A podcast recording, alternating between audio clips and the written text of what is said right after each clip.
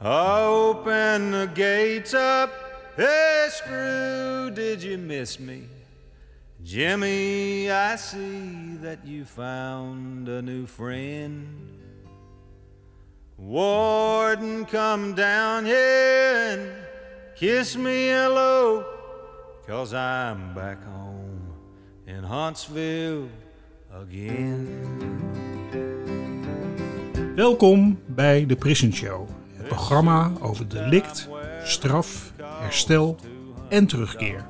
Oprecht, onafhankelijk en baanbrekend. Want iedereen heeft recht van spreken en verdient erkenning voor wie hij of zij is. Met Edwin En Frans. Yes, I'm back home in Huntsville again.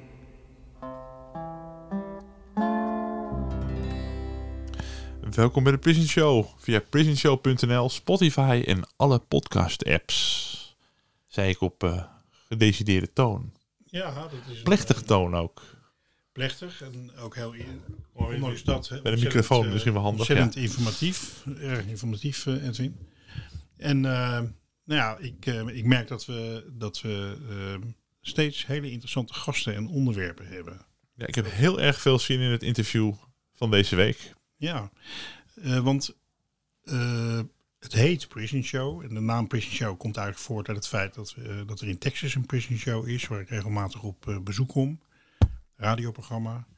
Maar eigenlijk gaat het een beetje over het leven hè? en over de mensen en Ja. hoe we met elkaar omgaan. Het wordt steeds breder en ook wel, ja, vandaag eh, ehm, gaat het over de filosofie en over hoe we naar mensen kijken. En, Ja. ehm, Zal ik wat vertellen erover? nou, lijkt me Ja, want, want onlangs in eh, de 136e aflevering van deze podcast vertelde forensisch psychiater Matthijs van Middelkoop, die belden we toen eh, in Bosnië, dat hij geen uitspraken meer zou willen doen over de mate waarin iemand wel of juist niet toerekeningsvatbaar is en in hoeverre hij straf verdient. Een mooie, bijzondere uitspraak was dat. En vandaag hebben we iemand die schrijft dat het element vergelding geen onderdeel zou moeten zijn van een straf. En dat niemand recht heeft op leed. Ja, Jurjen Hamer schreef het boek Waarom schurken pech hebben en helden geluk. Een nieuwe filosofie van de vrije wil. Ik vertelde aan Matthijs van Middelkoop trouwens dat eh Jurjen vandaag eh, op bezoek zou komen. En die zegt, oh wat leuk. Dat is een van mijn helden, zei hij. Dus dat, eh, Wauw. dat is zeker wauw. Dat vond ik wel heel, heel mooi. Ehm, heeft een miljonair recht op zijn rijkdom? Moeten we zelfs een moordenaar vergeven? En kan een mens ooit zijn lot veranderen? Het hangt allemaal af van ons antwoord op een fundamentele vraag. Hebben we een vrije wil? Filosofen twijfelen al eeuwen over het antwoord hierop. En sinds decennia roepen biologen en neurologen dat de vrije wil niet bestaat. Ieder jaar stapelt het bewijs tegen de vrije wil zich verder op. We zijn een product van onze genen, van onze geschiedenis en van onze omstandigheden. En zoals eh, gisteren in een podcast hoorde, eh, van je lichaam en je nest. Je lichaam en je nest werd het genoemd. Oh. Toch laat de vrije wil ons niet los. Deze mythe heeft meer invloed dan ooit. In ons strafrecht, onze economie en onze zoektocht naar geluk. Jurjen Hamer denkt verder waar anderen terugdeinzen en stelt de rol van de vrije wil ter discussie. Waarom schurken pech hebben en helder geluk is een confronterend debuut met, een radi- met radicale implicaties voor onze manier van leven, van onze politiek tot onze meest intieme relaties. Hartelijk welkom in de Prison Show, Jurjen. Ja, ontzettend fijn dat ik hier mag zijn, eh, Frans. Ik heb ook erg uitgekeken naar dit gesprek. Ontzettend leuk. Heeft een mens heeft die wel een vrije wil of geen vrije wil? Eh, het lijkt erop alsof je daar een keuze tussen zou moeten maken. Eh, klopt dat of, of ligt dat wat genuanceerder? Maar het ligt wat genuanceerder. Kijk, er zijn eigenlijk in de geschiedenis altijd een aantal ideeën, verschillende ideeën geweest over wat een vrije wil precies is. En een van de ideeën van de vrije wil is dat je en niet bepaald wordt, niet gedetermineerd wordt door je ervaringen, ehm, je opvoeding, eh, je genen, et cetera. Dat zijn allemaal factoren die misschien wel van invloed zijn, Maar toch kan je zelf als een soort ultieme oorzaak je eigen keuzes maken. En dus dat wordt de libertaire vrije wil genoemd. En dat is denk ik ook een heel gangbaar idee van de vrije wil. Als je aan mensen vraagt van hè, heb je een vrije wil, dan denken ze meestal aan zo'n soort idee. En dat hebben we niet, betoog ik. Dus dat betekent dat de keuzes die we maken, die zijn wel degelijk gedetermineerd door ons verleden, door onze voorgeschiedenis. Ja, en ehm, dat, dat, uh, dat, dat, dat is helder. Dat is een mooie, heldere, heldere conclusie. Uh, en nog is het zo dat het neoliberalisme, dat heel erg uitgaat van de, van de eigen verantwoordelijkheid. En uh, dat iedereen eigenlijk volledig verantwoordelijk ook is voor zijn eigen geluk of ongeluk. Uh, domineert eigenlijk uh, in ons land. Hè. De, in toenemende mate, het is al zo'n 40 jaar aan de hand. Uh, en het is zeker de laatste 10 jaar is dat ja, in, in, behoorlijke mate is het gaan domineren. Waarom is dat nou zo'n aantrekkelijke mens- en maatschappijvisie, dat neoliberalisme? Nou, ik denk dat het te maken heeft met wat het de succesvolle mensen geeft. op het moment dat je succesvol bent, je hebt de juiste keuzes gemaakt, dan kun je met het neoliberalisme in de hand eigenlijk alle denkbare credits kun je claimen. dus je kunt zeggen, uh, ik was het die die geweldige uitvinding heeft gedaan. Dus alle winst van die uitvinding, die zou ik moeten krijgen. En niet de leraren die mij op school les hebben gegeven, of iemand die een keer een inspirerend gesprek met mij heeft. Nee, ik was het. Ik. Het begon bij mij. En net zo goed als je dus ja, goede keuzes hebt gemaakt in je, in je liefdesrelatie, of je hebt je diploma gehaald, of nou ja, bij alles wat je bereikt, als je echt een beetje de loftrompet wil, wil afsteken, als je echt heel erg trots wil zijn op jezelf, ja, dan is dat neoliberale, neoliberale idee van je vrijheid gewoon super aantrekkelijk. Ja, het geeft, je, het geeft je macht, het geeft je een gevoel van geluk. Dus het is vooral een, een visie die, die mensen die macht hebben, uh, uh, macht geeft zeg maar. En, uh, ja, heel erg. Eigenlijk, uh, uh, maar het lijkt erop, in jouw uitleg ook, dat, dat mensen dan iets claimen wat eigenlijk niet van hen is. Hè? Dus op het moment dat, dat ik in een geweldig fijn nest ben opgegroeid en heel veilig en ik heb een heel mooie samenstel van genen, zeg maar, hè? Ja. die in een goede balans aanwezig zijn. Waardoor ik ook nog eens een keer uh, goede opleiding heb kunnen hebben en allemaal dat soort dingen. Dan uh, gaat vervolgens al vanaf mijn vroegste jeugd mijn omgeving en ook de samenleving als geheel. Hè, want ze betalen voor mijn opleiding en uh, ik krijg een goed inkomen en ik kan op een mooie plek wonen. Hè. Dat is dat, eigenlijk de wereld zorgt ervoor dat ik succesvol word op een, op een bepaalde manier. en ik claim dan vervolgens dat dat allemaal alleen maar door mezelf komt. Klopt dat? Ja, en ik denk dat. Uh, en op zich zouden best wat mensen nog wel meegaan met het idee van. Nou, maar ik heb heus wel wat voordeel gehad van een fijn nest, hè, et cetera. Maar op de cruciale momenten was ik het echt zelf. En, en, en zelfs daarvan zeg ik dus van nee, maar dat was niet zo. Hè? Want je hebt op die cruciale momenten heb je met een stel hersenen keuzes gemaakt. Ja, en die zijn bij jou blijkbaar op een prettige manier um, hebben die zich ontwikkeld. Dat de juiste manieren, de juiste prikkels gekregen, de juiste mensen ontmoet. Om de vermogens te ontwikkelen waar je vandaag de vruchten van plukt. Ja. Um, toch, uh, als schurken pech hebben, um, krijgen ze straf. Terwijl in feite uh, uh, datgene wat ze gedaan hebben natuurlijk ook een gevolg is van die dezelfde omstandigheden. Die ja. ook tot succes kunnen leiden. Ja, dat klopt. En dat is een. En dat, dat accepteren is natuurlijk heel heftig. Hè? Dus, dus mm -hmm. veel mensen die ik spreek over mijn boek, die, die, ja, die vinden dat die vinden dat heftig, confronterend. Hè? Dus het is veel prettiger te geloven, weer, weer hè? als je zelf nooit iets verkeerd hebt gedaan. Ja. Dan is het vaak prettiger voor jou te geloven dat, dat degenen die wel fouten hebben gemaakt, degenen die wel dingen op hun geweten hebben, dat die daar toch zelf voor hebben gekozen. En jij gaat daar niet voor kiezen, dus weet je, jou gaat het nooit overkomen. Dat is prettiger is heel onprettig om te moeten erkennen van, ja maar wacht even, wij zitten allebei, we zitten allemaal een soort van vast hè, in, in, in deze wereld van oorzaak en gevolg. En ja, jeetje, ik heb een paar goede dingen meegenomen, dus de kans dat ik ooit nog een misdaad pleeg is bijna nul. Ja. Maar dat geldt voor die ander, geldt dat, geldt dat niet. En, en dat, dat erkennen is, is, dat is heftig. En dat roept ook weer heel veel vragen op. Want ja, wat moeten we dan aan met mensen die fouten maken? Ja, ja en uh, we hebben het nu over fouten in uh, strafrechtelijke zin. Hè? Maar um, uh, wat van de verantwoordelijkheid die we hebben voor het leed in de wereld? Hè? Gewoon iedereen, zeg maar. Hè? Dat, dat, het mooie voorbeeld, of een aansprekend voorbeeld van de afgelopen tijd was dat van Johan Derksen. Hè, met zijn opmerking over wat hij gedaan had met een dame toen hij dronken was, ja. toen hij jong was. Um, je kan, zou kunnen zeggen van het feit dat Johan zo spreekt op de televisie, dat is een gevolg van, uh, van de manier waarop hij opgevoed is. En uh, hij zegt ook dat dat min of meer normaal was, dat hij dat deed. hij heeft er later ook nog wel wat van teruggenomen. Um, maar tegelijk, en wat hij daar meer, min of meer, in ieder geval op de televisie, uh, niet lijkt te zien, en waar een heleboel mensen op gereageerd hebben, is dat hij met dat hij onderdeel is van die manier van denken en dat ook uitspreekt, ook allerlei mensen weer pijn doet. Hè? Die, uh, die dat dan weer vernemen. Ja, zeker. Ja, daar gingen, heel veel dingen gingen daar, gingen daar volgens mij mis.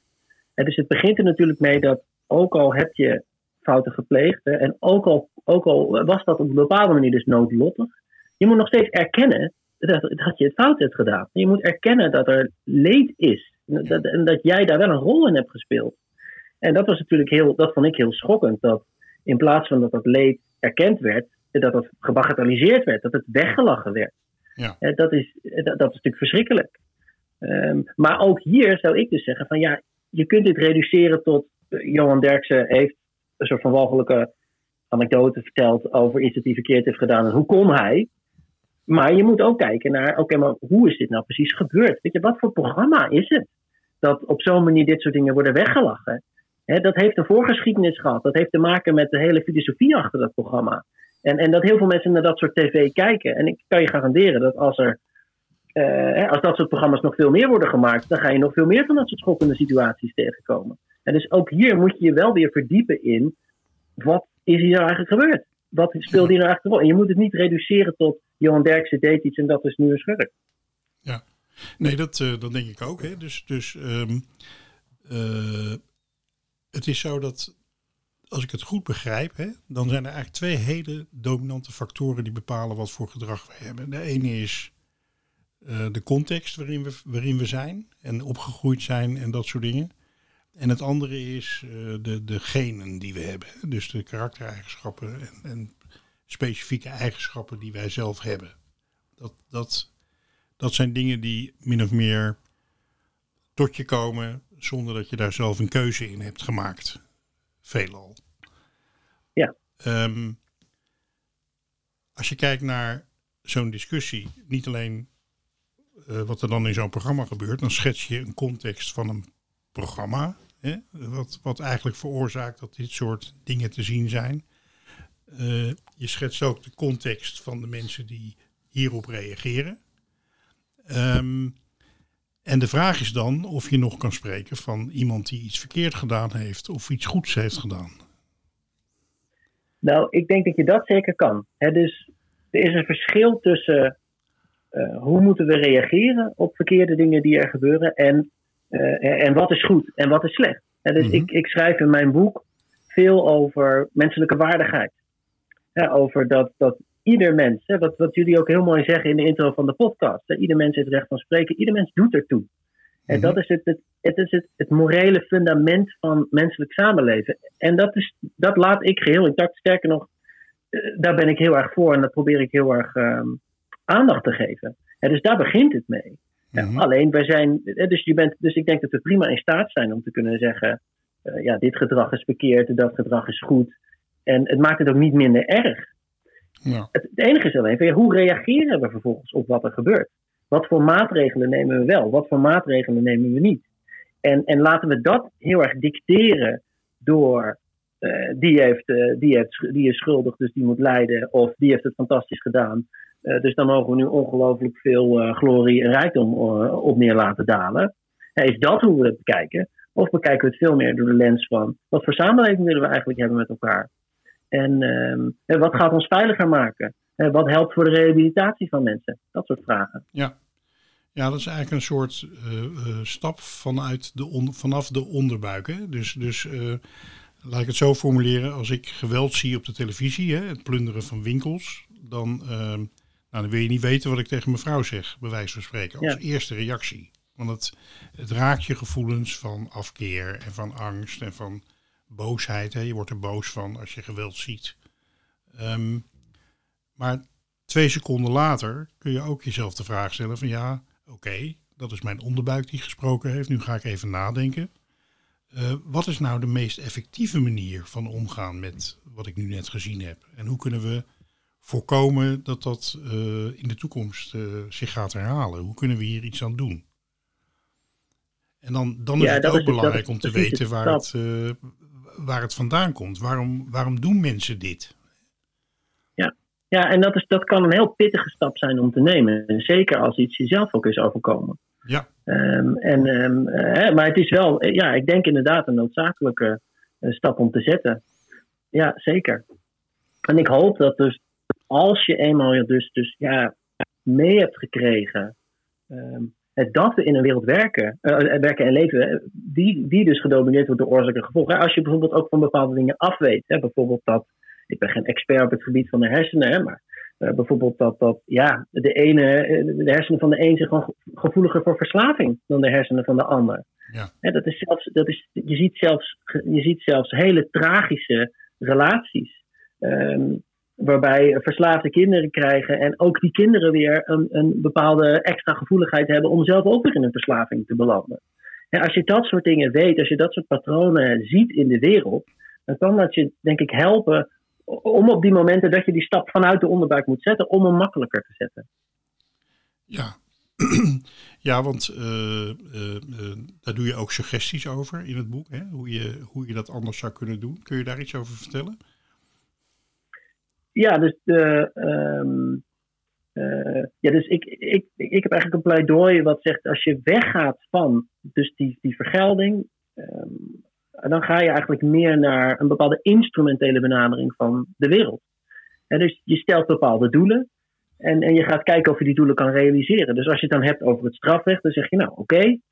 ehm, het is belangrijk om de samenleving te beschermen. Dat is een concreet doel. Hè? En een, Ja. een bepaald strafrechtbeleid leidt tot bepaalde gevolgen. Hè? Dus het ene strafrechtbeleid dat zal eh, Nederland veiliger maken dan het andere. En dat kun je ook onderzoeken, dat kun je nagaan. Ja. En, zo geldt het ook van andere doelen die je kan stellen. Hè? Op het moment dat je zegt, oké, ik, wil, eh, ik wil slachtoffers eh, zoveel mogelijk erkenning geven en, en begeleiden in het, in het traject dat ze ja, moeten, door moeten gaan om om te gaan met wat hen is overkomen. Ook daar kun je weer kijken, oké, wat is daar nou, wat is daar nou een effectieve benadering voor? Eh, en kan mensen echt verder helpen en wat minder. Dus, dus ik ben heel erg voor die instrumentele bril van kijken naar wat willen we nou met elkaar bereiken. Een wetenschappelijke bril. Ja. Eh, en wat je dus vaak ziet in de politiek, en dat is vrij tragisch, dat is dat die wetenschappelijke bril eigenlijk bewust wordt afgezet, omdat men gewoon boos is en dat dat, dat, dat, dat ook heel erg wil aanwakkeren bij, bij de kiezer. En van laten we nu allemaal heel erg in die onderbuik gaan zitten. Eh, en, en, ja, en dan, ja, dan is er maar één mogelijk antwoord. Dat is hard ingrijpen. Ja.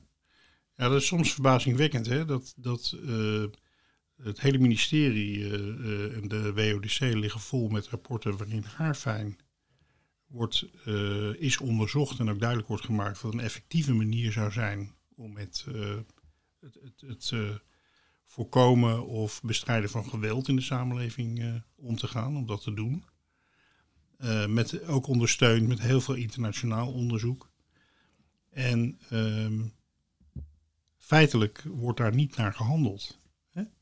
Ehm, sterker nog, ik, ik, ik ken een minister die zei tegen me van Frans, je hebt hartstikke... Ik, ik was heel erg van de resocialisatie en het erkennen van het verhaal van iedereen. Ehm, Ja. Frans, je hebt hartstikke gelijk, maar ik hoef niet te doen wat eh, goed is. Ik moet doen wat mijn kiezers goed vinden. Hè? Dus dat, dat, Oh, wat erg. Ja, maar dat vatte wel in één ding, in één zin eigenlijk samen, zoals die man gewoon aan het werk was. En hij, nou ja, ik vind in ieder geval nog mooi dat hij het in ieder geval zei. Want ik zie het wel Ja. heel veel, dat, dat eigenlijk bijna de hele Tweede Kamer dat loopt te doen, eerlijk gezegd. Ja, en daarom is het ook. Kijk, dit geeft al aan hoe groot dit verhaal is. Hè? Hm. Dus het verhaal, ja, je trok het eigenlijk al heel breed hè, naar neoliberalisme, maar dit is een heel groot verhaal. En dit heeft niet alleen maar te maken. Dus hoe we omgaan met, eh, met mensen die in de criminaliteit belanden, dat heeft te maken met dezelfde filosofie die belangrijk is bij hoe we omgaan met mensen die in hele dure villa's wonen eh, en enorm rijk zijn. Dat is, dat is dezelfde manier van kijken naar de werkelijkheid. En dus, dus de kiezers die, die dan deze minister bedient, hij moet dat hele verhaal moet hij, moet hij verkopen. Hè, En, en om het heel cru te zeggen, om ervoor te zorgen dat iedereen ervan overtuigd blijft dat het wel prima is dat die hele rijke mensen alles zo prachtig zelf hebben verdiend, hè, om dat in stand te laten, helpt het heel erg om mensen die foute keuzes te maken flink te laten leiden. Want dan kom je over als een soort kampioen van rechtvaardigheid. Van kijk eens hoe ik mensen laat leiden aan de ene kant. En aan de andere kant, kijk eens hoe die goede mensen mogen genieten van alles wat de wereld te bieden heeft. Dus het is een heel groot verhaal. En Ja. daarom wilde ik ook een boek schrijven dat, dat ook een groot verhaal biedt. En dat daar heel erg tegenover staat. Nou, dat is, het, dat is het ook heel duidelijk. En eh, gelukkig ben je niet alleen. Hè? Er zijn eh, gelukkig meer mensen die, eh, die, die vragen stellen bij, bij het neoliberalisme. Rutger Bregman en, en anderen die daarover nadenken. Ehm, bijvoorbeeld eh, Joris Luijendijk heeft pas een mooi boek geschreven hierover. Dus eh, Ja. eh, het, is een, het is echt een. van hem kwam trouwens ook die uitspraak over dat, het, dat het nest en het, en het hoofd, dat dat bepalen, en het lichaam, dat dat het bepalende factoren zijn. Ehm, hoe, gaan we dit nou, hoe gaan we dit nou verder brengen, dit verhaal? Ja, nou, dit is. eh, Dus, de, dus ik doe een aantal voorstellen in het boek. Hè. Maar het zijn, het zijn filosofische voorstellen. Hè. Daar wil ik ze niet mee afzwakken. Maar dat is, de, hè, dat is het perspectief waarvanuit ik vertrek. Hè. Dus, dus, eh, dus voor mij gaat het over die vergeldingsgedachte proberen uit het strafrecht te halen. Hè. Als, als we het op het strafrecht, tot het strafrecht beperken. Hoe je dat op de beste manier doet, dat, dat zou ik eigenlijk, daar zou ik jou ook eigenlijk een vraag willen stellen, Frans. Hè. Van als jij nou kijkt naar dat systeem wat nou allemaal, hè, waar die vergelding zit. Wat zijn nou maatregelen waarmee je dat echt kan doorbreken? Waarmee je echt dat, dat, dat, eh, eh, die eh, begrip voor elkaar en die rehabilitatie centrale kan stellen. Ja, wat ik, wat ik, ehm, wat ik heel erg, ehm, dat weten we eigenlijk wel. Hè? Ehm, er is internationaal onderzoek geweest en ook in Nederland, wat nou eigenlijk een, een, een beperk ik het even tot, tot de gevangenis. Wat, wat Ja. Eh, sowieso eh, mensen in de gevangenis stoppen moet je als ultimum remedium eh, gebruiken, want het is nooit goed. Het heeft heel veel schadelijke effecten op het moment dat mensen uit hun omgeving bij hun familie vandaan haalt enzovoort. Want ze moeten dan weer terugkeren. Ze worden vaak gestigmatiseerd. Dus als je kan voorkomen dat mensen in de gevangenis gaan en uit de samenleving gehaald moeten worden, dan moet je dat vooral doen. Ehm, en dan moet je kijken naar de oorzaken van de reden waarom mensen in de problemen komen en bepaalde dingen doen.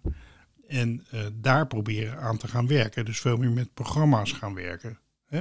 Hmm. Dat is niet soft, want eh, eh, ik kan je vertellen dat het, het voor de mens zelf wat makkelijker is om op je bed met een afstandsbediening televisie te kijken en overdag wasknijpers te, te maken, dan om echt aan jezelf te werken. Dat is echt veel moeilijker als je geconfronteerd Hmm. wordt met eh, van nou, je moet, je, moet- je moet echt, we gaan nu echt kijken wat, eh, wat er misgegaan is bij jou.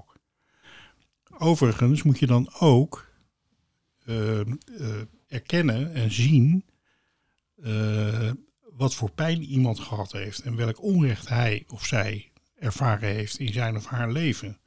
Degene tegen- die dus, degene die iets verkeerds heeft gedaan, Ja, daar moet je ook van weten, maar wat was, waar zat jouw pijn en waar zat jouw onrecht? Ja, want er wordt heel vaak, eh, eh, als ik een heel simplistische voorstelling geef van mensen die eh, delicten plegen, anderen geweld aandoen, dan is er iets aan de hand wat ik dan de huishouding van pijn noem.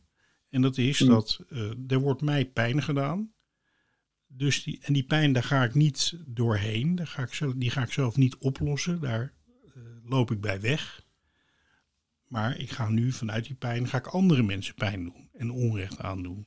Hè? En Ja. eh, meestal zijn dat mensen die part nog deel gehad hebben aan het ontstaan van mijn pijn. En zo verhuist het van de een naar de ander en van generatie naar generatie. Dus Ja. wat je dan ziet, is dat als je zelf niet naar je eigen pijn gaat, weggaat van je eigen pijn, dan, kan je, dan heb je ook moeite met het bezig zijn met de pijn van een ander. Hè? Want eh, hoe kan je nou de pijn van een ander voelen als je zelfs je eigen pijn niet kan of wil voelen? Ja. Dus eh, er wordt nu heel vaak geroepen dat mensen meteen ehm, eh, hun excuses moeten aanbieden en spijt moeten betuigen. Hè? En dan heb je toegang tot allerlei programma's en mogelijkheden. Mijn stelling is dat dat, eh, dat, je, dat dat niet kan zonder dat je eerst ook erkend hebt dat degene die eh, andere pijn doet, zelf ook pijn heeft en ook eh, aan de gang gaat om door die pijn heen te gaan. Voordat iemand in staat is om ook iets met de pijn van anderen te doen. En dus met zijn eigen delictgedrag. Ja, ja ik denk dat is echt.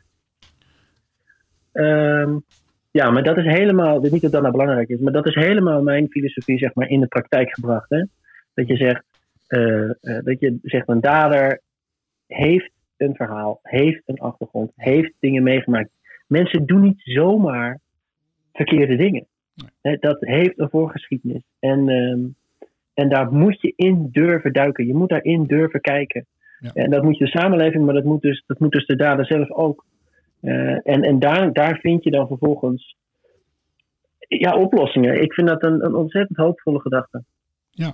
Nou, ik ben het daar, ja, dat, dat, dat vind ik ook. En ehm, kijk, wat ik, wat ik voortdurend me ook wel afvraag is, eh, ik zie allerlei eh, dingen gebeuren in de, in de, in de eh, met name in de media natuurlijk. Hè? Eh, een Rutte die Mm. zegt van, eh, nou, we gaan nou niet, het zijn gewoon schoften en we gaan niet allemaal sociologische redenen ervoor bedenken, bij wijze van spreken. Hè? Of een duidelijk zeer in de war zijnde man die totaal niet adequaat reageert. En die, dat is de Utrechtse tram, trammoordenaar bijvoorbeeld. Hè, die heeft verschrikkelijk delicten gepleegd. Maar als je naar, naar, dat, naar die zitting kijkt, dan zie je gewoon niet iemand die in zijn eigen belangen handelt. Hè, dan zie je iemand die helemaal de weg kwijt is. Ja. Ehm, wat verschrikkelijk is voor de nabestaanden, om dat tafereel, zeg maar, eh, hè, van, eh, te, te, la- te laten zien van iemand die zo reageert. Maar wat, eh, wat in ieder geval landelijk iemand verandert in een soort volksvijand nummer één en een soort eh zieloos monster, zeg maar. Ja, en wat, wat mij daar heel erg opvalt, dat, dat heb ik heel erg eigenlijk geleerd tijdens het schrijven van mijn boek. Dit soort denken, dat associëren we dus heel erg met, met rechts. Maar ik zie eigenlijk ook een opkomst van dat, dat meer vergeldende denken aan, eh, om de linkerkant, om het zo maar te, te noemen. Hè? Dus, Mhm. dus, eh, dus de hele cancelcultuur, waar natuurlijk het nodige over gezegd wordt. Ja. Dus ik ben het vaak wel eens met wat zeg maar, de onderliggende eis is. Hè, dat we, we moeten absoluut niet weet je, handelen op basis van vooroordelen en dat soort dingen er- erkennen is heel erg belangrijk. Maar toch zie je, of het nou op Twitter is of ergens anders, mensen worden gewoon weer aan het kruis genageld. Ja. En, en op het moment dat het een tegenstander is hè, van het linkse soort samenleving, en dus, dus of het nou iemand is met racistische vooroordelen of, of het is een, is een bankier die zichzelf heeft verrijkt op iets anders, dan heb je weer dezelfde reflex. Ja. Dan is het weer niet geïnteresseerd zijn in wat hier nou eigenlijk de voorgeschiedenis van was. En daarmee, eigenlijk schiet links zichzelf daarmee in de voet. Want dan blijf je dus maar meegaan in dat verhaal van, eh, van schurken en slachtoffers. Ja. En dat, is, dat, is niet het, dat zou het niet het verhaal van links moeten zijn. Dus die zouden ook op, dat, op die momenten zouden ze dat moeten erkennen. En een ander verhaal moeten gaan vertellen.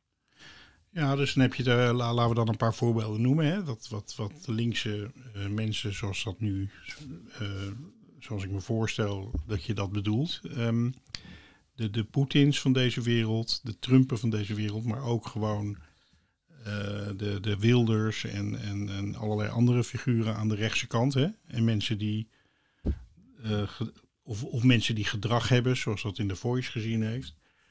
Ehm, wat ik daarin mis, en zelfs als het om Poetin gaat, waarvan ik denk van dat hij vreselijke dingen doet op zichzelf.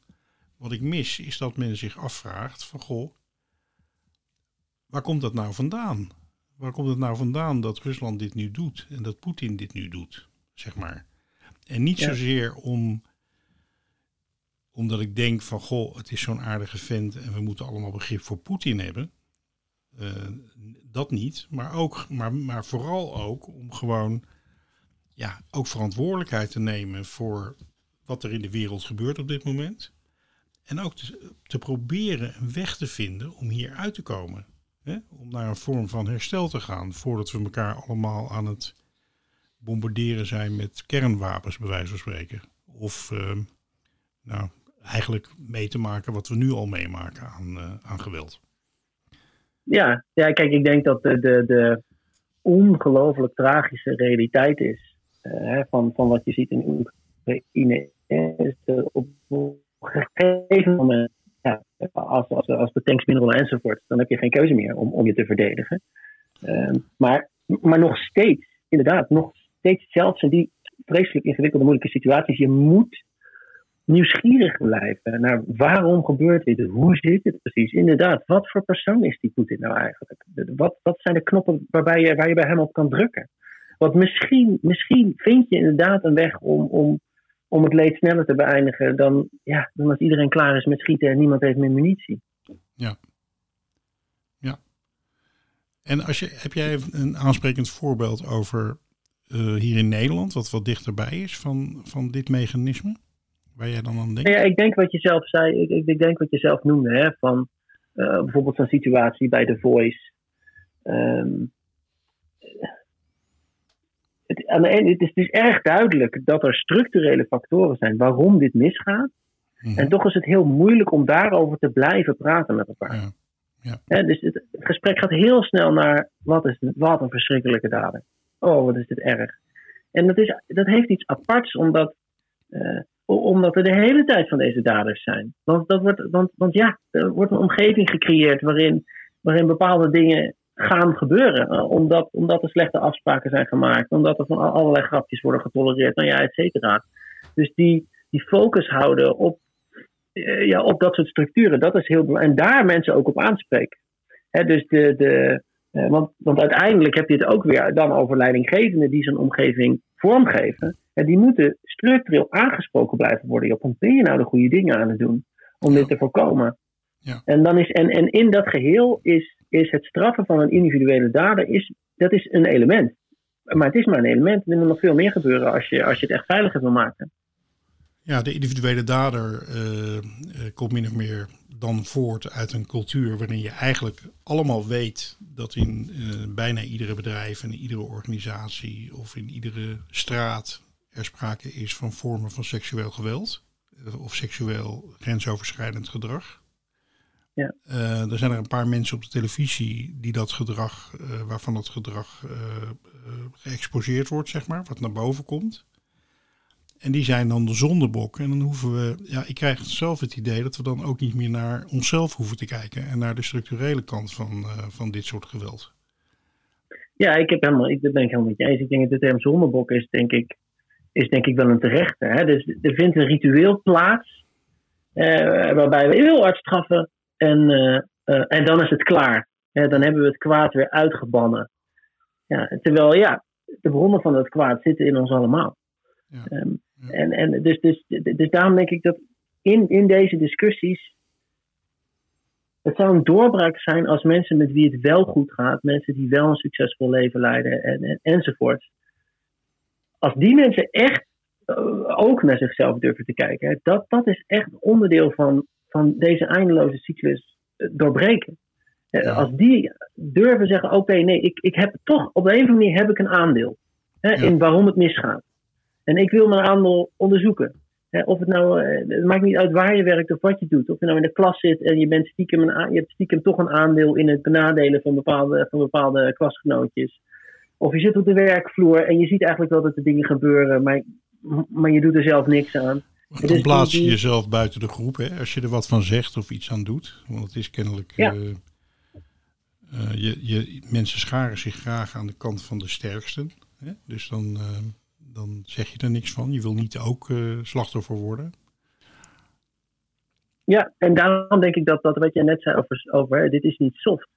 He, dus ik denk dat het echt proberen op te, op te lossen van, van, van, van dat soort grote maatschappelijke problemen, of het nou de criminaliteit is of elders, dat vraagt een bepaald zelfonderzoek, dat vraagt een bepaalde eerlijkheid. En dus ik denk het ook met onrechten.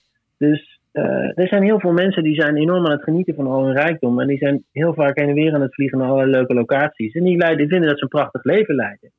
En ik zie dat dan. En dan denk ik, ja, het spijt me, sorry. Ik, ik, wil, je, ik, wil, je niet, weet je, ik wil je niet aan het kruis nagelen. Maar je leeft niet duurzaam. Uh, je geeft erg veel geld aan, jezelf uit, terwijl er uh, hele grote welvaartsverschillen zijn in deze samenleving. Dit is aan de hand. Hè? Dat jij nu je prettige leventje kan leiden, uh, dat gaat ook ten koste van iets. En daar moet je over na gaan denken. Ja, dus ook het, je bijdrage aan het leed in de wereld, zeg maar. Dat je, dat, dat je je daar bewust van bent. Ja, is heel vaag en abstract, maar het is... Zonder ja. dat je... Nou, als ik het concreet wil maken. Ik had een... Um, uh, toen de, het ijzeren gordijn viel en um, de Koude Oorlog eigenlijk stopte. Hè, toen uh, heb ik een project in Rusland gedaan. En toen vierde ik samen met een, met een Russische vriend... vierde ik het feit dat wij als normale mensen met elkaar om konden gaan. En we waren eigenlijk min of meer ja, uh, uh, verbaasd over het feit dat we zo op elkaar leken. Hè? Dat we voor 99,9% gewoon dezelfde mensen waren, met dezelfde dromen en, en dat soort dingen. Uh, ja. Terwijl hij achter het ijzeren gordijn bezig was geleide wapensystemen te, te ontwerpen. En ik in Nederland een soort sociaal beroep had als groepsleider met jeugd, om het zo maar te zeggen. Um, nou, we zijn vrienden geworden. Hij is heel vaak hier geweest en ik bij hem. En um, kreeg, pas geleden kreeg ik een, een, brief van hem waarin hij dus vertelde dat hij zich ongelooflijk schuldig voelt over de situatie zoals die nu in Rusland is. Hè? Um, zijn kinderen die alle, allerlei mogelijkheden niet meer hebben, die opgepakt waren tijdens een demonstratie. Jongeren die een tijdschrift met het je mag het woord oorlog niet meer zeggen in Rusland. Dus die hadden het ja. uh, boek Oorlog en Vrede van Tolstoy hadden ze in de metro gelegd. Waren toen met camera's opgespoord, via de camerabeelden en gearresteerd. Dus hij maakte zich heel erg zorgen over de wereld die hij achterliet. En daar voelde hij zich verantwoordelijk voor. Toen zei Kosja, daar ben jij niet verantwoordelijk voor. Alleen, daar ben ik ook verantwoordelijk voor. Dit is wat wij samen doen. Dit is wat wij gedaan hebben. Um, dus de vraag die voor mij ook heel erg belangrijk is, wat is nou eigenlijk mijn, ons aandeel in, uh, in wat er in de wereld gebeurt? Ja, ja nee, helemaal eens. En, en het lastige daarin, hè, dat, is ook iets is, dat is ook iets waar ik, waar ik echt mee worstel dus aan de ene kant heb ik een heel verhaal geschreven over dat vergelding niet het antwoord is. En dat alles, een, alles heeft een oorzaak, alles heeft een voorgeschiedenis. Um, maar ik wil niet dat dat leidt tot een soort passiviteit. van oh nou, laat daar maar zitten. Of oh nou, dan hoef ik niks meer van mezelf te verwachten. Of van anderen. Alles mm. heeft toch een bepaalde oorzaak. Um, dus ik wil dat mensen zich in gaan zetten. om, om de wereld een beetje beter te maken. Juist inderdaad hun aandeel te erkennen. Maar, maar, tegelijkertijd wil ik ook niet dat dat weer doorschiet weet je, naar, naar dat we allemaal nieuwe mensen aan het kruis nagelen. Ja. dus dat is, dat, is best, dat is best een lastige. dus, dus, dus ja, als het inderdaad over, over ja, bepaalde maatschappelijke problemen gaat. Ik, ik heb dat dus heel erg bij duurzaamheid. Mm -hmm. ik zie mensen onduurzame dingen doen. en dan denk ik, ja, ik wil er wat van zeggen. Soms zeg ik er ook wat van. Maar ik wil vooral mensen eigenlijk empoweren, aanmoedigen, weet je, om het beter te doen ik, ik wil niet dat het gevolg hiervan is dat mensen zich, nou, dat, er, dat er ruzie ontstaat, dat er conflict ontstaat, um, verwijten heen en weer schieten en dat we met z'n allen geen steek verder komen. En, en, dat is een soort van, en daar moeten wij als samenleving uit gaan komen. Want we hebben nu een situatie dat we de hele tijd maar weer verwijten heen en weer slingeren. Um, en dat we niet verder komen. En dat er juist helemaal geen begrip is. Ja. Ja, en ehm, ik denk dat je boek daar wel een bijdrage in kan leveren. Hè? Want het zorgt in ieder geval dat we daar over gaan nadenken. Hè, over deze Ja, vragen. dat hoop ik wel. Ja, Dat hoop ik wel. En ik vind het ook bemoedigend, hè, inderdaad, van dat dat. ehm, kijk, uiteindelijk kan een samenleving veranderen op het moment dat op allerlei verschillende niveaus hè, bepaalde ideeën ingang vinden. En mensen bepaald, vanuit een bepaalde visie oplossingen formuleren. En wat ik heel hoopvol vind, is dat eigenlijk sinds het, sinds het publiceren van het boek, inderdaad mensen me opzoeken. ehm, ik me met mensen kan, kan, eh, kan verbinden. En waarbij ik zie van oké, dus dit verhaal van, van meer begrip hebben van de ander, van altijd benieuwd en geïnteresseerd blijven naar, naar verklaringen. ehm, dat ik op allerlei niveaus mensen daarmee aan de gang zie gaan. En dan kan het, weet je, dan, dan kan het samenkomen en dan kan het maatschappelijk iets betekenen. ja, en je kunt ook concreet heel veel dingen doen hoor. Ik ben, ehm, ik ben een soort ehm, grijze idealist, zeg maar. Ehm, dus ik heb eh, de Stichting Herstel en Terugkeer heb ik opgericht samen met een ex-gedetineerde. We hebben een platform relaties van gedetineerden. Dus ik ga heel veel om met mensen die in een context verkeren waarin ze eh, maatschappelijk weinig aanzien hebben, zeg maar. En ook weinig kansen en weinig mogelijkheden. En ehm, wat ik eigenlijk bij al deze mensen zie, is dat, ze, dat de oorzaak waarom ze zeg maar, in die positie gekomen zijn, dat zijn oorzaken die deels met de context te maken hebben waarin ze opgegroeid zijn. En deels met de combinatie van eigenschappen die ze hebben. Maar wat ik vooral ook zie, is dat ze wel allemaal mensen zijn met dromen, met talenten, met mogelijkheden en dat soort dingen. En dat op een of andere manier die mogelijkheden en die talenten niet aan de bak komen in de samenleving. Ja. Dus, en dat veroorzaakt ook heel veel pijn bij deze mensen. En die pijn wordt ook voortdurend eh, versterkt en aangeraakt door de mensen die roepen van nou, als je je best doet, net zoals ik, dan kan jij ook een Jaguar gaan rijden en in een groot huis wonen, zeg maar. Ja. Maar als ik jou zou moeten aannemen, eh, dan doe ik dat toch liever niet. Want dan vind ik dat een beetje te spannend. Precies, precies. Dan neem ik liever eh, de ideale schoonzoon aan, die net als ik, die eruit ziet zoals ik en zich ook gedraagt zoals ik. Ja. Ja. En vanuit deze Ja. context komt. Ja. Wat, een, eh, wat, wat, wat natuurlijk best een armoedige, armoedige en verarmende manier van doen is. Omdat ja, je al de talenten en alle mogelijkheden en de diversiteit van, van mensen met een andere achtergrond eh, ja, ongebruikt laat liggen, om het zo maar te zeggen. Ja, dat is doodzonde. En, ehm, en ook, hier, ook hier weer inderdaad. Maar dit- en dat is lastig, hè? Moet je nagaan wat, voor- wat voor omkering dit is. Hè? Je gaat dus van: ik neem jou iets kwalijk en ben heel tevreden over mezelf. Ga je naar: ik, probeer begrip op te brengen voor jou. En ik word zelf kritischer. Ja. Eh, Dat, is de, dat is de stap waarvan je wil dat, dat, dat mensen met wie het prima gaat, eh, dat mensen die stap zetten. En, en waarom? Niet omdat je leven dan gelijk prettiger of makkelijker is. Nee, het wordt juist moeilijker. En je hebt misschien soms onprettige momenten. Ja. Maar ja, om, om, maar om samen verder te komen. En natuurlijk kan je daar ook weer een bepaalde voldoening uithalen. Maar dat is uiteindelijk waar het over gaat. Ja. Het is een solidariteit die, iets van, die echt iets van je vergt. Ja. En, ehm, nee, goed, en dat is een vraag die ik dus mezelf ook op allerlei manieren stel. Hey, het is leuk dat ik zo'n boek heb geschreven. En het is mooi dat het nu eh, steeds meer aandacht krijgt. Hè, maar op wat voor manieren ben ik eigenlijk aan het bijdragen? En op wat voor manieren ben ik toch een geprivilegeerde jongen eh, die de kantjes ervan afloopt? En die dit in ieder geval kan doen, die zich realiseert wat, eh, wat, wat de reden is dat hij dit kan doen. Dat dat niet zijn, per se jouw eigen verdienste is, maar dat het ook voortkomt uit allerlei omstandigheden die min of meer aan zijn komen waaien, zeg maar. Ja, en het interessante is, het is zo ongelooflijk hardnekkig. Het is, het is niet normaal. Dus ik, krijg die, dus ik heb dus afgelopen zaterdag die Socratesbeker gekregen. Mhm.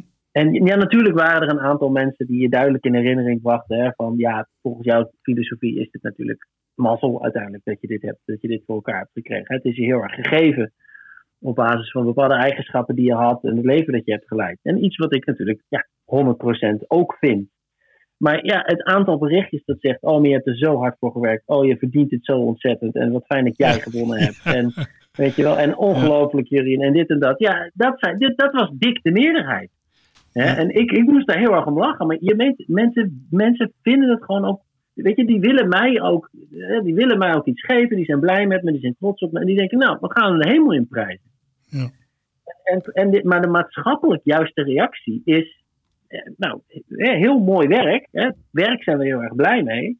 En nou, we vieren vanavond een leuk feest. En dan is het morgen is het gewoon back to business. En, Ja, eh, eh, en niet naast je schoenen lopen. Nee, want eigenlijk wat ik, wat, ik, wat ik een prijs zou willen geven is het gedachtegoed en de bijdrage daarvan aan het eh, maatschappelijk discours. Eh, en aan de ontwikkeling in de samenleving. Het is, het is veel minder relevant om jou een prijs te geven. Absoluut, dat doet er helemaal niet toe. Ja. Nee, dus Ik heb maar, de- ik zelf, heb er geen eh, aanmoediging genoeg. Ja. Ik heb daar zelf. ehm, ehm, ik, ik maak me daar zelf ook. Het is voor mij ook een hele worsteling trouwens hoor. Want ik ben. ik, ik heb me vaak voor laten staan op het feit dat ik gewoon eh, op mijn op mijn vijftiende ben gaan werken. En dat ik een self-made man ben die zonder universitaire opleiding een soort internationale expert op het gebied van gevangeniswezen en forensische psychiatrie is geworden. Hè? Dat, is een, eh, dat was natuurlijk een mooi avontuur dat ik dat heb kunnen doen.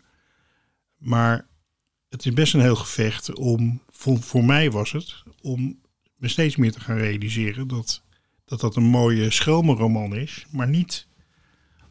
Eh, maar dat de credits daarvoor eigenlijk veel meer bij de samenleving, de context, de familie waar ik uitkom en mijn natuurlijke genen eh, gegeven moeten worden dan bij mijzelf, alsof ik dat allemaal gedaan heb, om het zo maar te zeggen. Ja.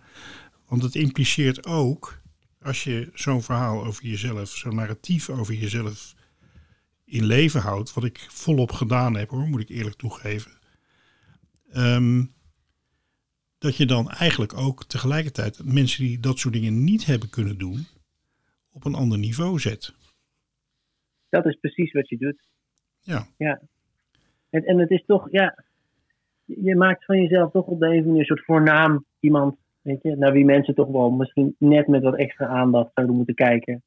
Eh, en die, ehm, ik, ik, dus ik, om, omdat ik dus afgelopen zaterdag, weet je, dat, dat, dat, die, die, beker in ontvangst genomen, is dat voor mij nu ook zo concreet. Ja, ik kan inderdaad op mijn werk rondlopen.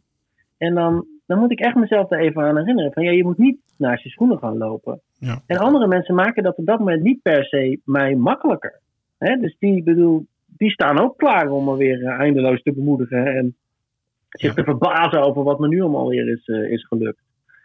Ehm, en, Ja. en nee, het gaat om de inhoud. En dan weer verder met elkaar. ja. Ja, en het ook, ehm, wat ik, wij geven bijvoorbeeld met de Prison Show eh, ehm, niet alleen succesvolle mensen een podium, zeg maar. Hè? Dus we proberen ook iedereen, juist mensen die, die, die wat minder gehoord worden, proberen we ook een podium te geven. Ehm, wat, ik, wat ik bijvoorbeeld van mezelf vind, eh, en van mensen zoals ik zou je kunnen zeggen, is dat we ons erg entitled gedragen, zoals dat eh, met een mooi Engels woord heet. Hè? Dus Hmm. ik, eh, ik ben iemand die al heel lang het heel vanzelfsprekend vindt dat als ik op een podium klim, of ik sta voor een klas, of voor een groep, of ik hou een lezing. Ik vind het eigenlijk vanzelfsprekend dat iedereen naar me luistert. Ja. ja. En dat is. Ja. En, en, en, en, ehm, en dan denk ik steeds meer van. ehm, ehm, ja, moet ik daar eigenlijk wel staan? Of zouden, zouden er eigenlijk hele andere mensen moeten gaan staan? Snap je? Nee, dat snap ik. En, de, en, en ook dat is natuurlijk, kan ook op een gegeven moment een valkuil zijn. Hè? Want de, de, dus ik kan ook denken, ja, waarom mijn boek en niet een ander boek? Mhm. Het is de, eh, waarom, waarom ik en niet iemand anders? Ehm, maar ik denk dat het in ieder geval is een vraag is die je jezelf serieus moet stellen. En, en, en je moet in ieder geval ook ervoor blijven werken. Hè? Ik ken genoeg mensen op de universiteit. Die gaan gewoon maar voor een klas staan. En die draaien gewoon maar weer een verhaal af. En eh, ja, weet je, het publiek moet het werk doen. Hè? De, Ja. de, de, de spreker is, is zich niet meer bewust van het feit van ik moet eigenlijk weer opnieuw verantwoorden waarom mijn verhaal de moeite waard is om naar te luisteren. Ja. Dus, weet je, luister naar mij, want deze, deze redenen. En dat wordt dus ook dat werden ook steeds slechtere gesprekken, steeds slechtere colleges. En inderdaad, dat is puur privilege. Dat je denkt van ja, maar ik heb mijn baantje, mensen moeten toch een, die, mensen moeten toch een tentamen wel halen. Laat maar even zitten. Ja. Nou ja, wat, wat, ehm, wat ik zelf een heel aantrekkelijk perspectief vind. ehm, zowel voor degene die. eh, ik ben wel benieuwd wat jij daarvan vindt. Zowel voor degene die entitled zijn, hè, die heel succesvol zijn in de ogen van, eh, van het neoliberalisme, noem ik dat maar even. Hmm. Als voor mensen die ehm, op een of andere manier niet gehoord en niet gezien worden. Ehm, is het moment dat je onderdeel kan zijn van de community. Hè, dat je opgenomen wordt in de community en dat je je echt gedragen voelt. Dat je niet eh, drie man of neer te slaan om op, eh, op een stoel te klimmen, bij wijze van spreken. Maar dat je er feitelijk mag zijn. Hè? Het gevoel onderdeel te zijn van het geheel. Dat vind ik zelf een hele aantrekkelijke, aantrekkelijk iets. Van dat ik ergens aanwezig kan zijn. En dat kan bij wijze van spreken ook in een klas zijn. Dat kan in een sloppenbuurt in, eh, in, in- ergens in de wereld zijn of in de natuur. Het eh, gevoel onderdeel te zijn van. Dat vind ik zelf een heel troostend gevoel. Ja, ja, heel herkenbaar. Ja, ik vond dat ook heel mooi aan. eh, ik zat bij een studentenvereniging in Utrecht, SSR Nu, heet die vereniging, bestaat nog steeds. En dat, dat, dat, heb ik daar ook heel erg ervaren. En ook dat.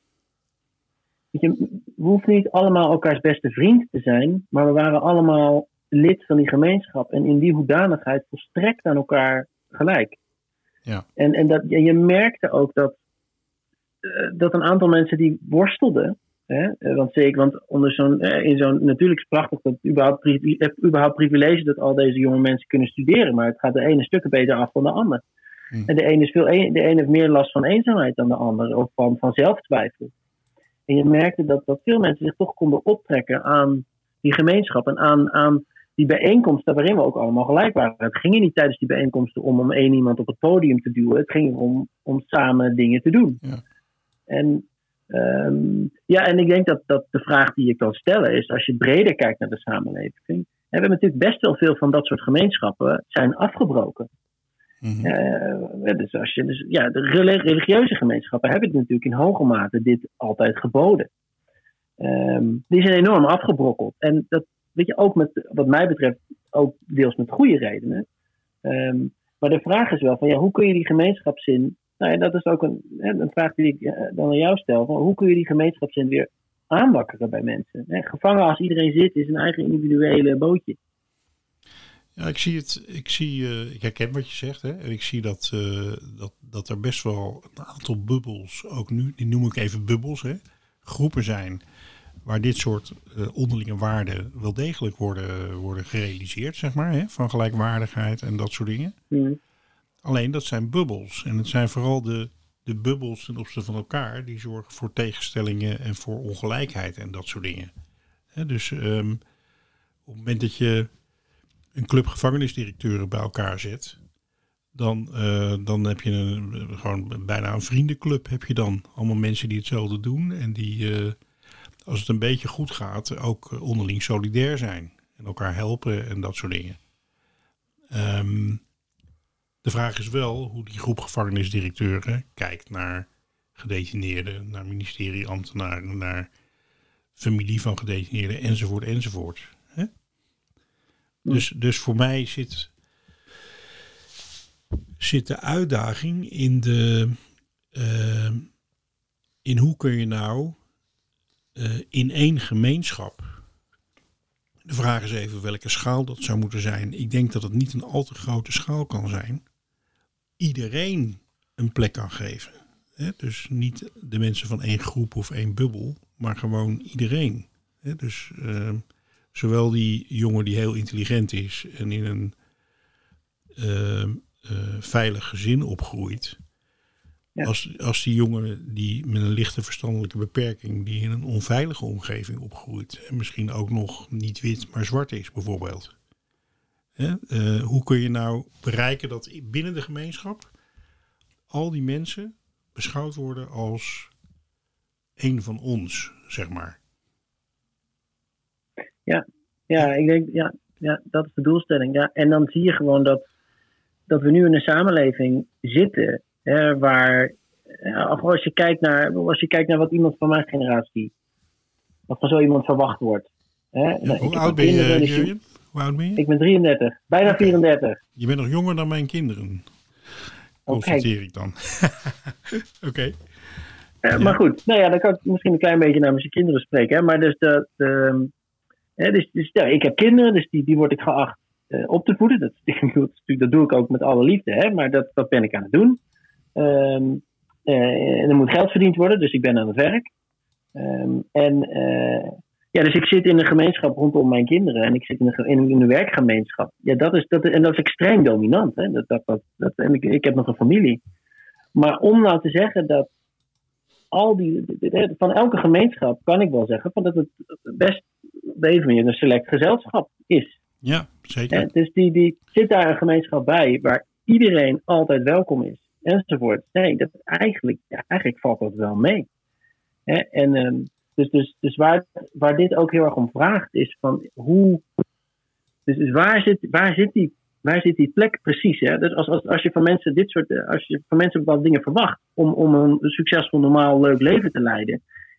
En in het waarmaken van die verwachtingen kom ik nergens in een, in een, in een gemeenschap die echt inclusief is.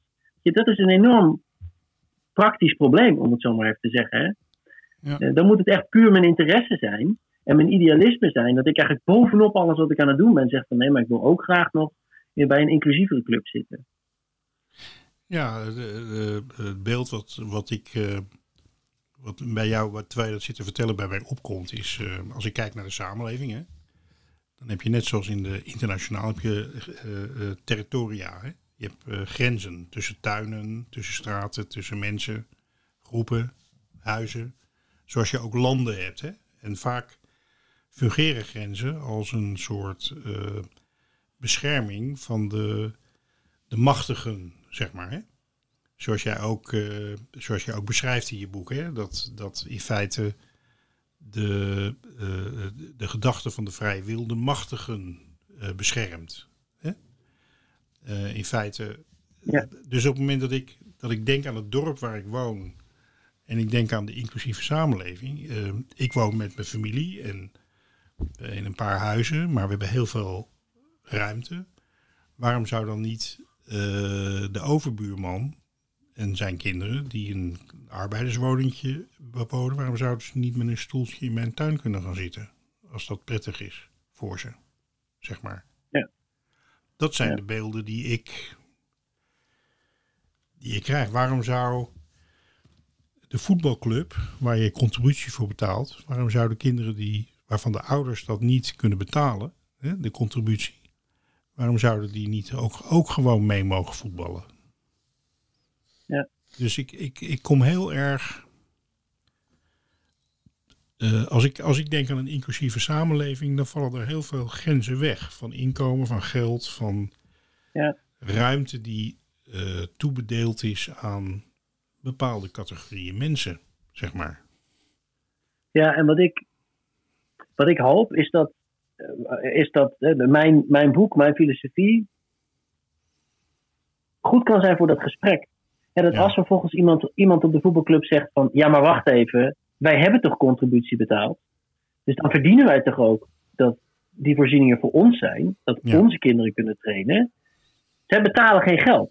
Ze dragen dus niet bij. Hoezo zouden ze dat dan mogen? En dus als het weer van stal wordt gehaald, het hele idee van verdiensten, ze hebben verkeerde keuzes gemaakt, dat je dan dat gesprek een andere richting kan geven. Dat je zegt van ja, maar kijk nou eens even naar, naar, naar de mensen die, die, we, die we er nu niet bij hebben. Kijk eens wat we missen. Kijk eens naar wat voor verhalen die mensen met zich meebrengen. En dat, dat, dat, dat in ieder geval, dat dat zo'n gesprek kan helpen om, nou ja, om een stuk inclusievere eh, kant op te gaan. Ja, dus, dus terwijl ik dat zit te vertellen, dan realiseer ik, me- dan, dan, dan realiseer ik me al hoe spannend dit is, hè, waar we het inderdaad over hebben, hoe groot dit is. Hè, want er is, er is niets zo, zo, wat, wat zoveel eh, weerstand oproept, dus wanneer je in het territorium van mensen komt. In een land waar, als je in de trein stapt, eh, alle eh, blokken van vier personen, er zit één persoon. Iedereen gaat altijd eerst alleen zitten. In een restaurant gaat iedereen apart aan een tafeltje zitten. Hè? Als je in sommige andere landen komt, dan, eh, dan gaat het al een stuk makkelijker. Maar in Nederland zijn we ontzettend gehecht aan onze eigen, ja, niet onze 1 vierkante meter, maar misschien wel onze 5 vierkante meter of 10 vierkante meter. Ja, en daar plannen we ook op. Dat organiseren we ook allemaal heel netjes, dat die grenzen steeds intact blijven. En eh, de soort van spontaniteit, dat die, grenzen dan, dat die grenzen dan een beetje permeabel worden, dat vinden, we heel, vinden veel mensen ongemakkelijk. En ik persoonlijk zelf ook, hè, ik ben ook in deze traditie opgegroeid. Ik vind mijn tafeltje aan mijn restaurant met de mensen die ik ken, vind ik ook heel prettig en veilig. Ja. Ja, Nou ja, maar, dat het is, maar het, is het is ook schraal. Ja, wat ik wel eens tegen mensen zeg is, eh, eh, ook als advies, hè, ik, eh, mensen die, die, die heel geprivilegeerd zijn opgegroeid en dan bijvoorbeeld wat meer willen weten van de wereld van de verslaafden en de gedetineerden en de daklozen en dat soort dingen. Dan zeg ik van joh, en dat is een advies wat ik ook aan jou wil geven als tip, want het is echt heel leuk om te doen. Als je nou in de stad loopt, met je vrouw bijvoorbeeld, en eh, je bent boodschappen aan het doen, eh, en je hebt even een moment dat je wil gaan zitten. Ga dan niet op een keer niet op een terrasje zitten, maar ga gewoon op een pleintje zitten hè, in de stad. Ehm, en dan heb je op zo'n pleintje heb je vaak een muurtje of bankjes of plekken waar het gewone winkelende publiek neerstrijkt. En je hebt een hoek waar de daklozen en de, en de verslaafden en dat soort mensen zitten. En dat, Hmm. dat zijn twee compleet. Je, vindt het- je ziet het in iedere stad. Het is een, het zijn Ja. compleet verschillende werelden. Ga nou eens op je gemak naar die plek waar die eh, daklozen zitten en ga daar gewoon tussen zitten. En ehm, bemoei je nergens mee. Laat wel gewoon vriendelijk weten dat je er bent door de manier van kijken, zoals je je opstelt en dat je hun ziet en dat je weet dat zij jou zien. Maar ga gewoon zitten. Ehm, mijn ervaring is dat je de middag van je leven hebt. Want je wordt namelijk, als je er tussen gaat zitten, word je meteen in die groep opgenomen. Dat gebeurt eigenlijk automatisch. De mensen vinden dat niet gek. Maar het feit dat je er gaat zitten, oké, jij gaat daar zitten. En vervolgens, als je er open voor staat, eh, krijg je ook de meest prachtige verhalen. Want die mensen zijn ook helemaal geen andere mensen. En ze zijn allemaal mensen met een verhaal en met talent. Dus eigenlijk heb je een veel interessantere middag. Of uur, laten we het zeggen, een uurtje. Een veel interessanter uurtje als je daar je boterham opeet. Als wanneer je aan die andere kant gaat zitten. Ja. Dus het, Ja, nou, ik vind het, ik vind het, een, mooie, ik vind het een mooie challenge, eh Frans. En ik, ik denk dat je helemaal gelijk hebt. En, en ook, en ook hè, wie, zou, eh, wie kan de eerste stap zetten? Hè? Eh, Dus op het moment, eh, dus als je het meer hebt over, over draagkracht, over het vermogen om het te verbeteren, eh, dan lijkt het mij toch dat het winkelend publiek dat heel erg ontspannen een middagje aan het besteden is, dat het voor het winkelend publiek misschien wat makkelijker is om die stap te zetten. dan voor iemand die er eigenlijk van uitgaat dat het winkelend publiek die persoon ziet als nou ja, minderwaardig en niet toedoend enzovoorts. En dus, dus wat je, ook, wat je ziet met die, met, die, met die vrije wil is, je gaat die ander de schuld geven en dan leg je het ook helemaal neer bij die ander. Ja. Eh, Die Ja. moet zijn leven verbeteren, die moet maar contact zoeken, die moet maar leuker zijn, die moet maar op meer op mij lijken, et cetera. Ja. Terwijl als je dat nou eens relativeert en, en beseft hoe bevoorrecht je zelf eigenlijk bent, dan wordt het een andere vraag. Want dan, dan ligt het initiatief misschien wel meer bij jou.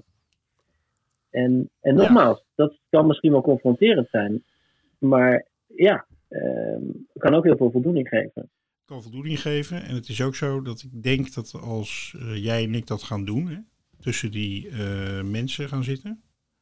En anderen zien dat, want eh, onze vrienden komen ook voorbij. En ik zie er niet uit als een dakloze of een verslaafde, bij wijze van spreken. Ik denk dat je dan dat, dat mensen dan een ander idee van de werkelijkheid kunnen gaan krijgen.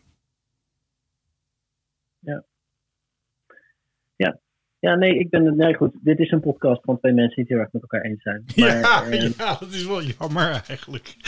Eh, nee, maar dat, ja, ja, Ja. maar dat, nee, maar ik, eh, dat eh, kan ik alleen maar heel erg omarmen. En, en, en, en, en niet alleen, hè, en niet alleen met de zwerver. Hè? Dus, de, dus het gaat uiteindelijk om ja, mensen. Ook met Rutte hoor. Ook met Rutte. Ook met Rutte. Ja, zeker weten. Nee, maar dat is volgens mij cruciaal. Hè? Dus Ja. als, een, als een idealistisch verhaal weer een soort van omgevormd wordt naar een enorm soort van verwijtend weet je wel, betoog. Wat de ander weer helemaal in het harnas jaagt. Weet je, zijn we dan verder gekomen? Dus de, en dat is ook voor mij een uitdaging in soort van het werk dat ik dan doe als schrijver. Van, ik wil graag de vinger op de zere plek leggen, maar er moet ook een uitnodiging in schuilen. Ja. Ehm, want ja, anders dan, anders, dan, anders dan ga je toch weer vastlopen.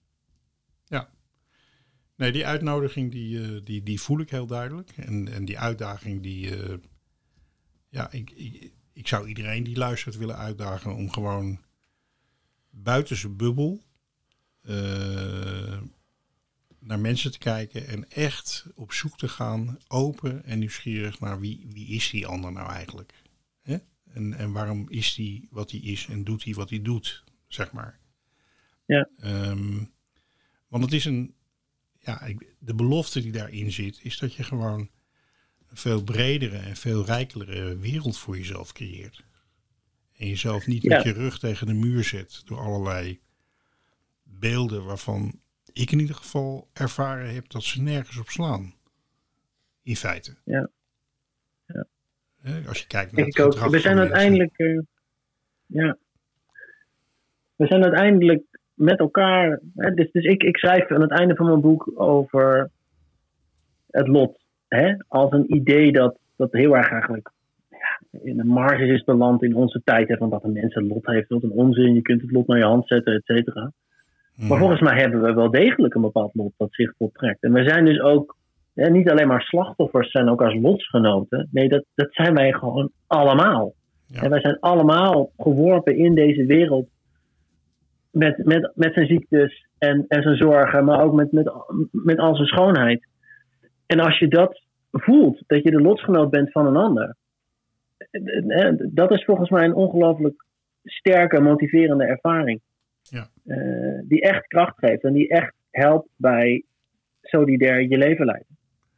Eh, zouden we dan kunnen concluderen op basis van dit gesprek en op basis van jouw boek, dat als op het moment dat iemand een delict pleegt, hè, een ander geweld aandoet, dat het natuurlijk als ultimum remedium eh, mogelijk is dat je, dat je mensen moet detineren bijvoorbeeld. Maar dat zowel tijdens de detentie als daarna je eigenlijk met z'n allen toe moet snellen om iemand weer op te nemen in de, in de gemeenschap. En ook ehm, aan de gang moet gaan met die persoon over de reden waarom die dit gedaan heeft. En die proberen, daar proberen iets aan te doen. Ja, dat ben ik volmondig, volmondig met je eens. Eh, ik denk dat dat, eh, dat is cruciaal. En dat is een kwestie van beschaving. En een kwestie van beschaving, zeker. Dat is ook een belangrijk woord, denk ik, in deze. Ja. Heel erg bedankt voor dit gesprek. Eh, inderdaad, een beetje eenzijdig, omdat we het eh, erg met elkaar eens zijn. Maar het is wel een boodschap waarvan ik denk van mooi om dat op deze manier eh, uitgesproken te hebben. En ook wel een oproep om jouw boek te lezen. Want ehm, mensen die ons horen en denken, wat zijn dat nou voor twee gekkies die dit verhaal vertellen lees het boek en kijk dan nog eens eh, en denk daar eens over na. Over eh, wat daarin staat. Kijk op de link in de show notes om te zien waar je het boek kunt bestellen. Stel ik voor. Alright. Hartelijk bedankt, de heren. Heel hartelijk bedankt. Dank jou wel. Oké. En Goed zo. eh, onze lieve luisteraar, tot volgende week. Tot volgende week. Want ook jij bent een mens. We gaan helemaal zo, ik voel me helemaal zo. zo nee, maar we gaan helemaal, we gaan helemaal love, peace en happiness. eh, Edwin er is al de eerste uit- die we moeten zien eh, over te halen, zo te horen. Nee, Heel goed. ik? Nou ja, ik zit het eindzoen erin en dan praten we even buiten de opname verder. Is goed. Yes, I'm back home in Huntsville again.